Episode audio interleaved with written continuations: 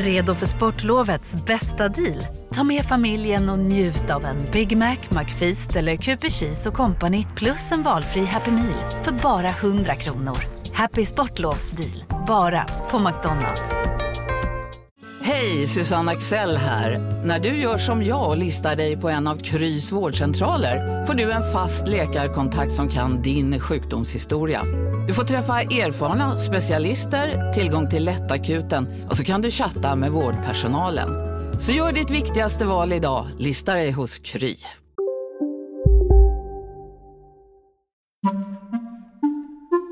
Från Monopol Media, det här är Kapitalet med mig Gunnar Harjus. Och med mig Jakob Bursell.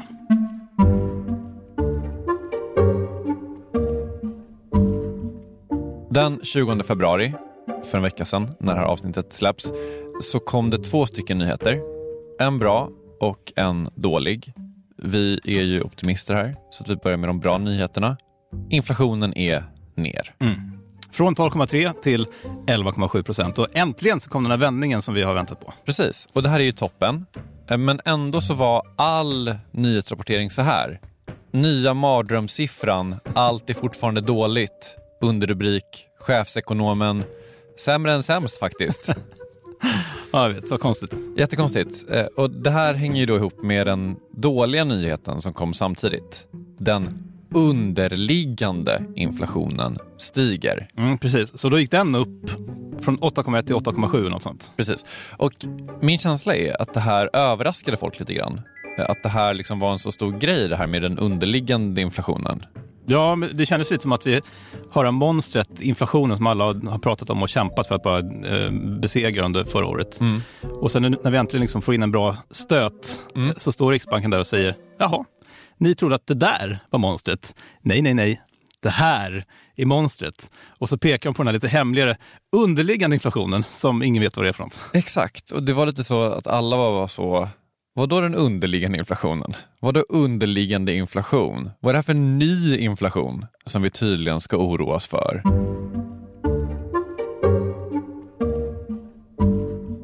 Så jag tänkte att det är det som vi ska försöka reda ut idag. Vad är egentligen underliggande inflation? Vad skiljer den från vanlig hederlig inflation? Hur mäter man den? Hur mycket påverkar den egentligen vår penningpolitik?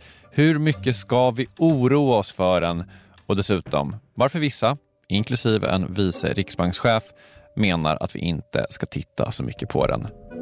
Vad då underliggande inflation? Efter det här.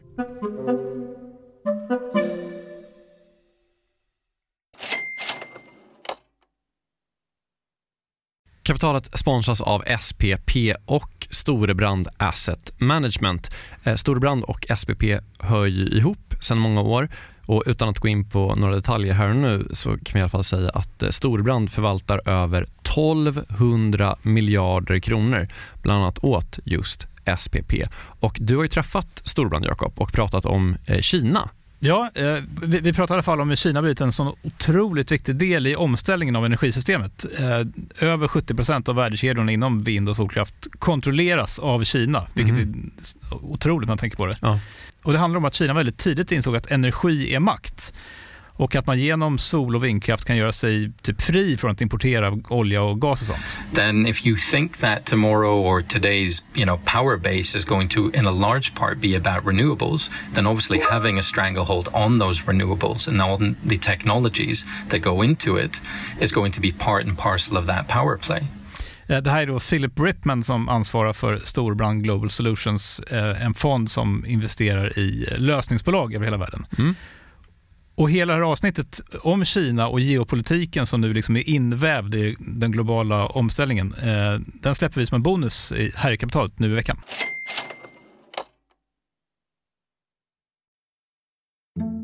Så det har kommit nya inflationsbesked. Ett positivt, inflationen sjunker och ett negativt, eh, den underliggande inflationen stiger. Mm. Vilket då leder till den naturliga frågan, vad är den underliggande inflationen för något? Ja, och för att svara på den frågan så har jag vänt mig till en person som jobbar med att agera på underliggande inflation. En vice riksbankschef med röd slips. Jag har alltid en röd slips. Just det, är det ett statement? Ja, det får folk tolka som de vill. Ja, men om jag ber dig tolka det? Nej, det, då berättar jag inte. Bra. Det här är Henry Olsson. Han har varit en av sex stycken vice riksbankschefer sedan 2015. Tidigare i mitt liv har jag jobbat inom det akademiska och jag är professor i nationalekonomi vid Uppsala universitet. Och anledningen till att det är just Henry Olsson snarare än någon av de andra fem vice riksbankscheferna som jag vill prata med om det här, det är att Henry har eh, intresserat sig lite extra för det här med underliggande inflation. Han har arbetat mycket med det på Riksbanken. Han har också hållit ett tal med titeln Underliggande inflation på gott och ont en gång.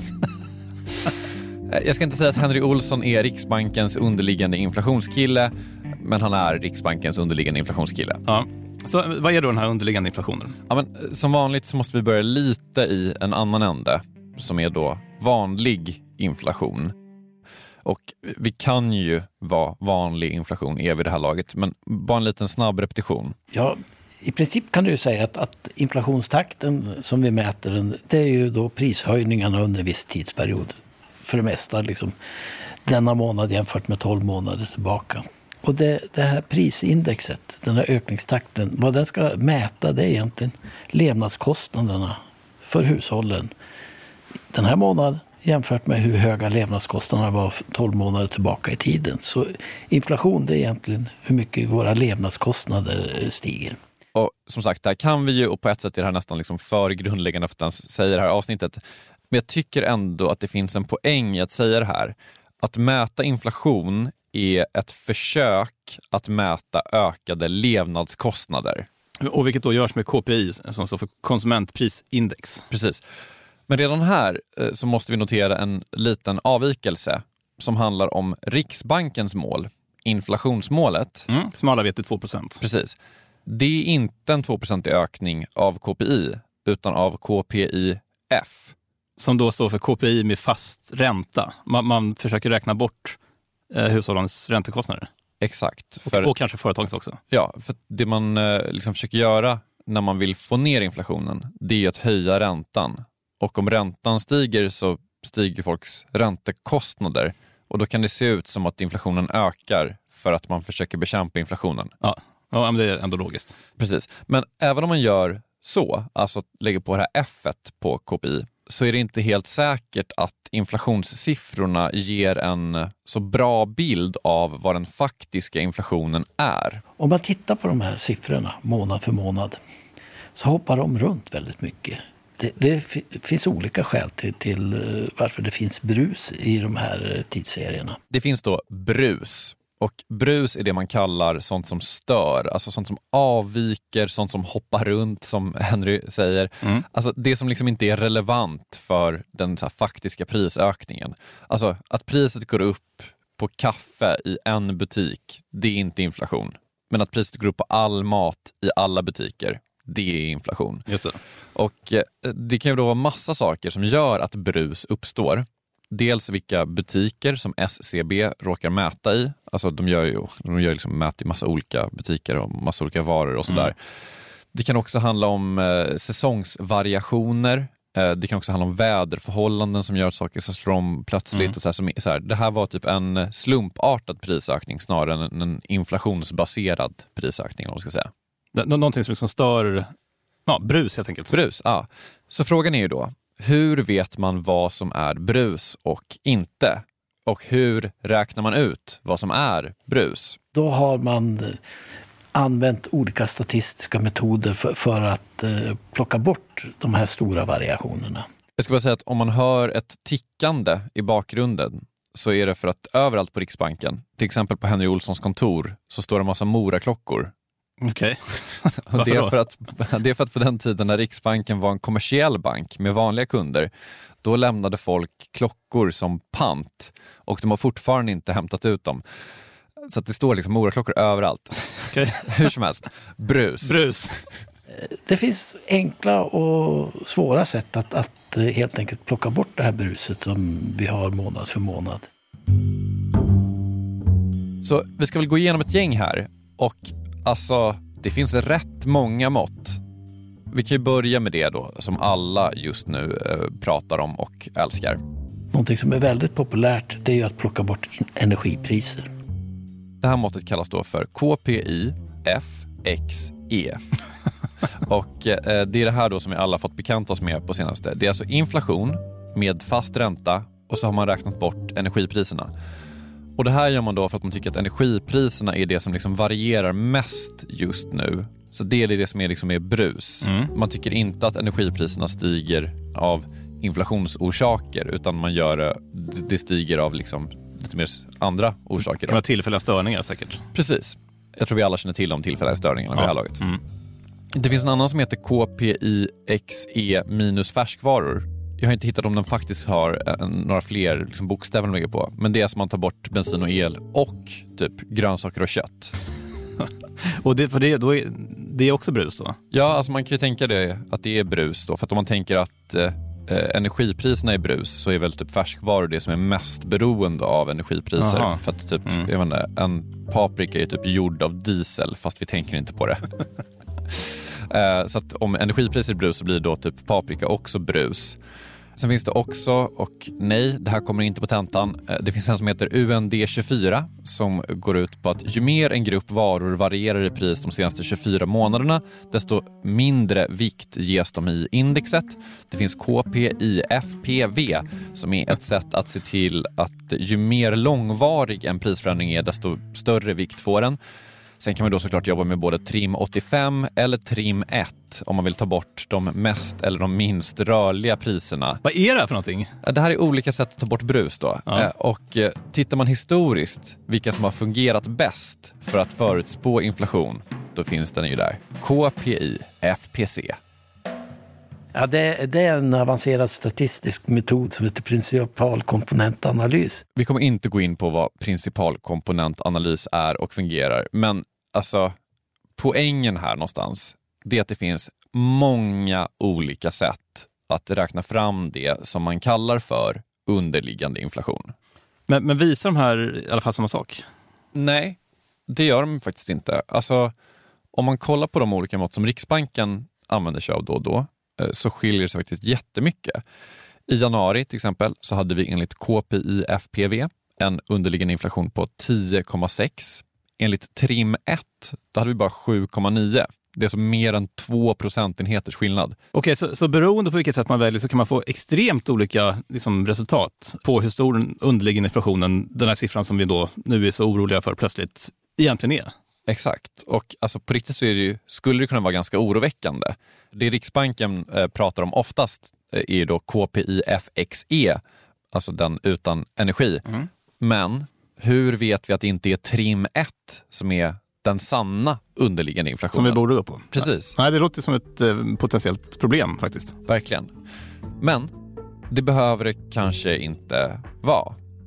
Varför underliggande inflation kan vara användbart trots allt det här och varför vi ändå inte ska stirra oss blinda på den efter det här.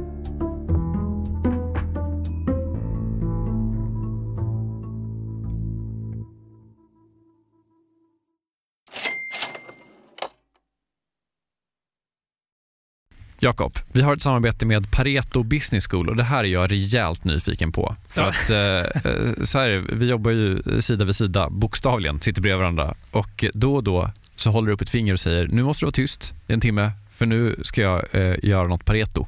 Exakt. Ja. Eh, Jag gillar ju att lära mig nya saker, det gör ju många journalister.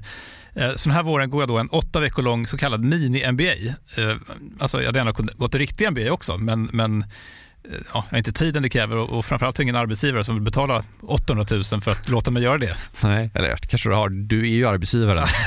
Ja, snål, snål arbetsgivare. Mm. Eh, det- Det är då Jens Bäckbom och Mattias Eklöf, två svenska entreprenörer som har skapat den här utbildningen just eftersom det finns ett gigantiskt hål mellan typ YouTube-filmer och en, en riktig MBA. Ja, och det här är då Pareto. Exakt, Ja. Pareto MBA. Eh, Paretos utbildning kostar cirka 25 000 kronor och, och under åtta veckor så lär man sig jättepraktiska och tillämpbara modeller för hur man startar, skalar upp, driver och säljer bolag. Eh, Jens och Mattias eh, de håller själva i många av föreläsningarna. De är garvade entreprenörer båda två. Mm. Och som man så olika gästföreläsare som kom in. Mm. Typ någon kille som, som eh, var expansionschef på Spotify, någon som körde marknadsföring på Revolut, eh, en kille som driver Sveriges största campingkedja, Mm. som har varit med i kapitalet faktiskt, Okej. Johan Sör. Ja. Ja, just det. Också varit en helt otrolig svensk eh, entreprenör som byggt massor med grejer i Vietnam. Alltså makalösa berättelser. Ja, wow. Eh, Så den här kursen består av en blandning förinspelade moment och seminarier, men man går också i då så här kohorter tillsammans med andra deltagare från Sverige och utlandet. Jättenyttigt, eh, tidseffektivt och funkar jättebra för, för den som vill driva egen verksamhet som, som typ vi gör här. Eller om man typ driver projekt och affärer i större bolag. Wow. Om man är taggad på att eh, bli en del av den här, liksom, vad ska man säga, Jakob skolan om man vill bli som dig, lära sig lika mycket som, som du har lärt dig, vad, Ja. vad gör man då? Eh, Nästa kursstart är 5 april. Så vill man ta ett kliv framåt i sin utveckling eller karriären eller så, gå då till arbetsgivaren och kolla om du inte kan gå den här utbildningen. Priset ligger alltså på 2500 euro, men ni får 10% rabatt om ni anger Monopol Media som referens när ni eh, gör er anmälan. Mm. Eh, Man kan också gå in på paretoschool.com för att eh, läsa mer och ja, se lite smakprover från själva utbildningen. Då. Mm. Så att eh, man sparar jättemycket pengar för att gå Handels MBA och man sparar ytterligare pengar om man tar del av eh, Monopol Media-erbjudandet. Ja, exakt. Ja, en no-brainer som vanligt, Plus att man blir ju eh, alumnkollega med mig då. Verkligen. Så stort, stort tack till eh, Pareto Business School och eh, gå in på paretoschool.com.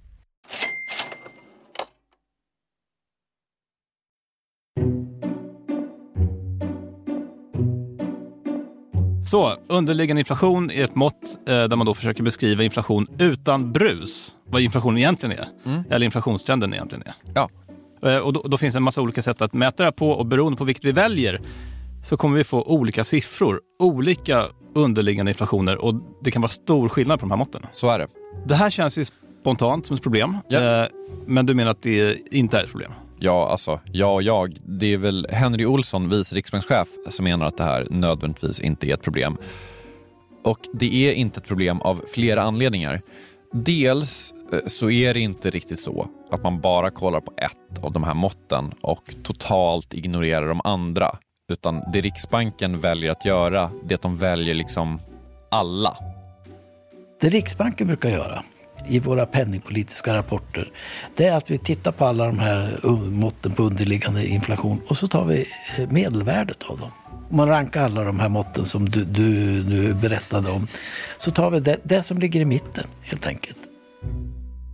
Så tar man TRIM 85 och KPIFXE och KPIFPV eh, och slår ihop dem och delar dem på varandra så att säga och tar man det som hamnar i mitten. Så, alltså, du vet, det, det är inte så att man har typ en algoritm som styr penningpolitiken utan de sitter och kollar på alla de här grejerna och sen så typ fattar de ett mänskligt beslut. Eh, Så det är det ena då. Eh, Det andra är att liksom, oavsett vilket av de här måtten man kollar på just nu, oavsett vad man skalar bort, oavsett liksom hur man försöker vända och vrida på de här siffrorna, så finns det en väldigt tydlig trend som är att inflationen stiger. Särskilt sedan början av fjolåret så har ju alla pekat uppåt. Alltså det, det, det är liksom ingen tvekan. Alla våra olika mått på underliggande inflation har pekat att inflationen stiger i Sverige. Levnadsomkostnaderna ökar snabbare nu än vad de gjorde tidigare. Så för att uttrycka lite krasst, även om man inte vet exakt vad den underliggande inflationen är, så är man rätt säker på att den stiger. Det finns inget magiskt mått ute som visar att egentligen sjunker inflationen. Alltså det finns ju ett och det heter KPIF. Och det är alltså konsumentprisindex med fast ränta och det är det som Riksbanken ska kolla på. Det är det som är inflationsmålet. Det, det visar ju att inflationen faktiskt går neråt. Just det. Ja. Ja. men det är inte det man pratar om just nu. Nej, utan det man pratar om just nu det är ju då KPIFXE, konsumentprisindex med fast ränta utan energikostnader. Det är den man har pratat om hela veckan när man pratar om underliggande inflation och att den stiger. Okej, eh, så va- va- vad tycker då Henry Olsson om det här? Är det ett bra mått? Det är inte min favorit. Henry Olsson tycker att att räkna bort energipriserna, det är inte idealt. Och det går tillbaka till det som vi började prata om. Vad är det vi försöker komma åt här? Vad är inflation ett mått på? Inflationen, enligt Henry Olsson och många andra, ska vara ett mått på ökade levnadskostnader. Och vad är det folk känner av just nu in terms of ökade levnadskostnader? Jo, det är ökade energipriser. Eh, jag betalar elräkningen varje månad och det gör de flesta i Sverige. Och jag står vid bensinpumpen och tankar min bil. Så det är liksom en del av mina levnadskostnader. Så, så man ska tänka på det att, att, när man plockar bort det här som varierar väldigt mycket, då missar man ju en del av eh, levnadskostnaderna. Varje penningpolitiskt möte eh, så håller vi i direktionen varsitt anförande. Och jag brukar aldrig prata om konsument prisindex exklusive energi. Det är mitt val. Mina kollegor de har en annan syn på det här så de pratar eh, glatt om KPIF exklusive energi. Så det, det, är ett val som vi individuellt väljer att göra, vilket mått vi tycker är bäst. Så att inte ens inom Riksbanken är man liksom helt överens om det här? Sen vill Henry vara tydlig med att säga att det här är liksom inte typ en konflikt, utan det är mest typ att han inte gillar att räkna bort energin. Sådär. Jag tycker ändå att det verkar liksom en spänstig debatt där på mm. Riksbanken. Men, men vad, vad, tycker han att man ska göra då? Jag brukar bara ta de här officiella siffrorna och så tar jag ett medelvärde, de tolv sista observationerna. Det är, det är, inte någon som heter Trim 1 eller Trim 85? Nej, nej det, det, det, är så enkelt som helst. Det är bara att ta, liksom, du lägger ihop de tolv senaste observationerna och så dividerar du med tolv. Det, ja.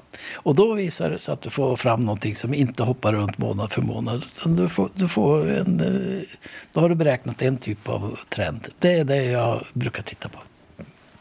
Så inga, inga X någonting? Nej, så länge folk konsumerar någonting då, då bör det vara med i det vi mäter. Nej, jag tycker vi ska försöka mäta levnadskostnaderna och hur mycket de ökar.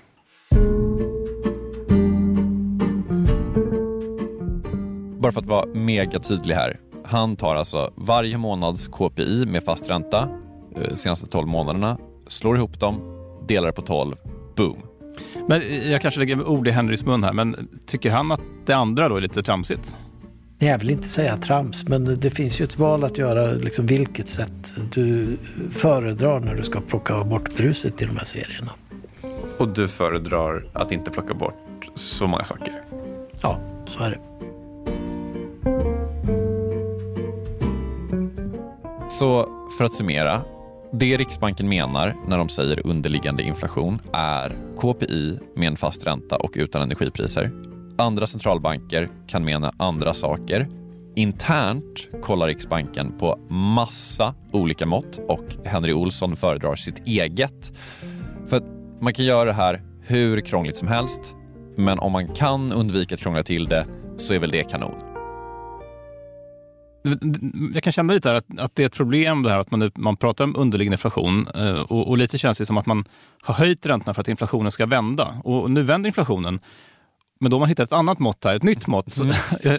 alltså jag fattar att det, det, det är inte så här det går till, men det är, det är svårt att kommunicera för Riksbanken, tänker jag mig. Det är verkligen ett kommunikationsproblem och det Henry menar är att så här, det finns en avvägning här i att så här, de statistiska avancerade metoderna behövs och finns ju av en anledning Samtidigt som så här, man kanske inte ska förvänta sig att alla som påverkas av räntan ska ha läst statistik C. Typ. Sen finns det ju en annan fråga som vi inte riktigt har berört här som är vad spelar det här för roll då? Mm. Alltså hur mycket tänker egentligen Riksbanken på den underliggande inflationen när de gör sin politik? Jag skulle säga så här att KPIF är den viktigaste, eh, för det är den officiella mätningen som penningpolitiken inriktar sig på. När vi säger att vi har ett inflationsmål på 2% då är det ju KPIFs ökningstakt som vi är ute efter. Eh, om vi har alla de här andra måtten, om KPIF går upp och alla de här andra måtten också går upp, då är vi ju tämligen säkra på, på att, att eh, levnadsomkostnaderna börjar att öka snabbare i, i Sverige. Och då har ju det vissa implikationer för, för vilken penningpolitik vi, vi ska bedriva. Om KPIF går åt ett håll och några av de underliggande måtten går åt samma håll medan andra går precis i andra riktningen. Då säger ju det att det finns ökad osäkerhet på det här området och då får man liksom undersöka eh, noggrannare om man vill skapa sig en bild eh, vart levnadsomkostnadernas eh, eh, ökningstakt vart, vart det är på väg någonstans.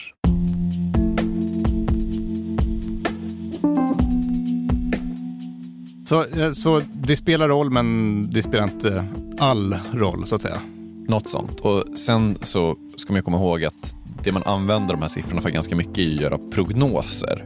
Och eh, Prognoser som också säger att man inte ska lita på. Ja men precis. Och jag menar så här, när det kommer till vad de här siffrorna kan ta vägen i framtiden så är ju ingenting säkert.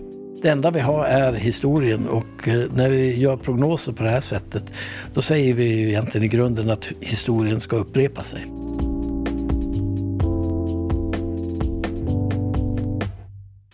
Det vi kan vara säkra på är att kapitalet är tillbaka igen nästa måndag och att eh, vi som gjort det här avsnittet heter Gunnar Harjus och Jakob Bursell. Kristoffer Krook har mixat det och eh, på Instagram heter vi Kapitalet. Mm, det gör vi. Följ oss där. Kul ju. Eh, tack så mycket, hej då. Tack.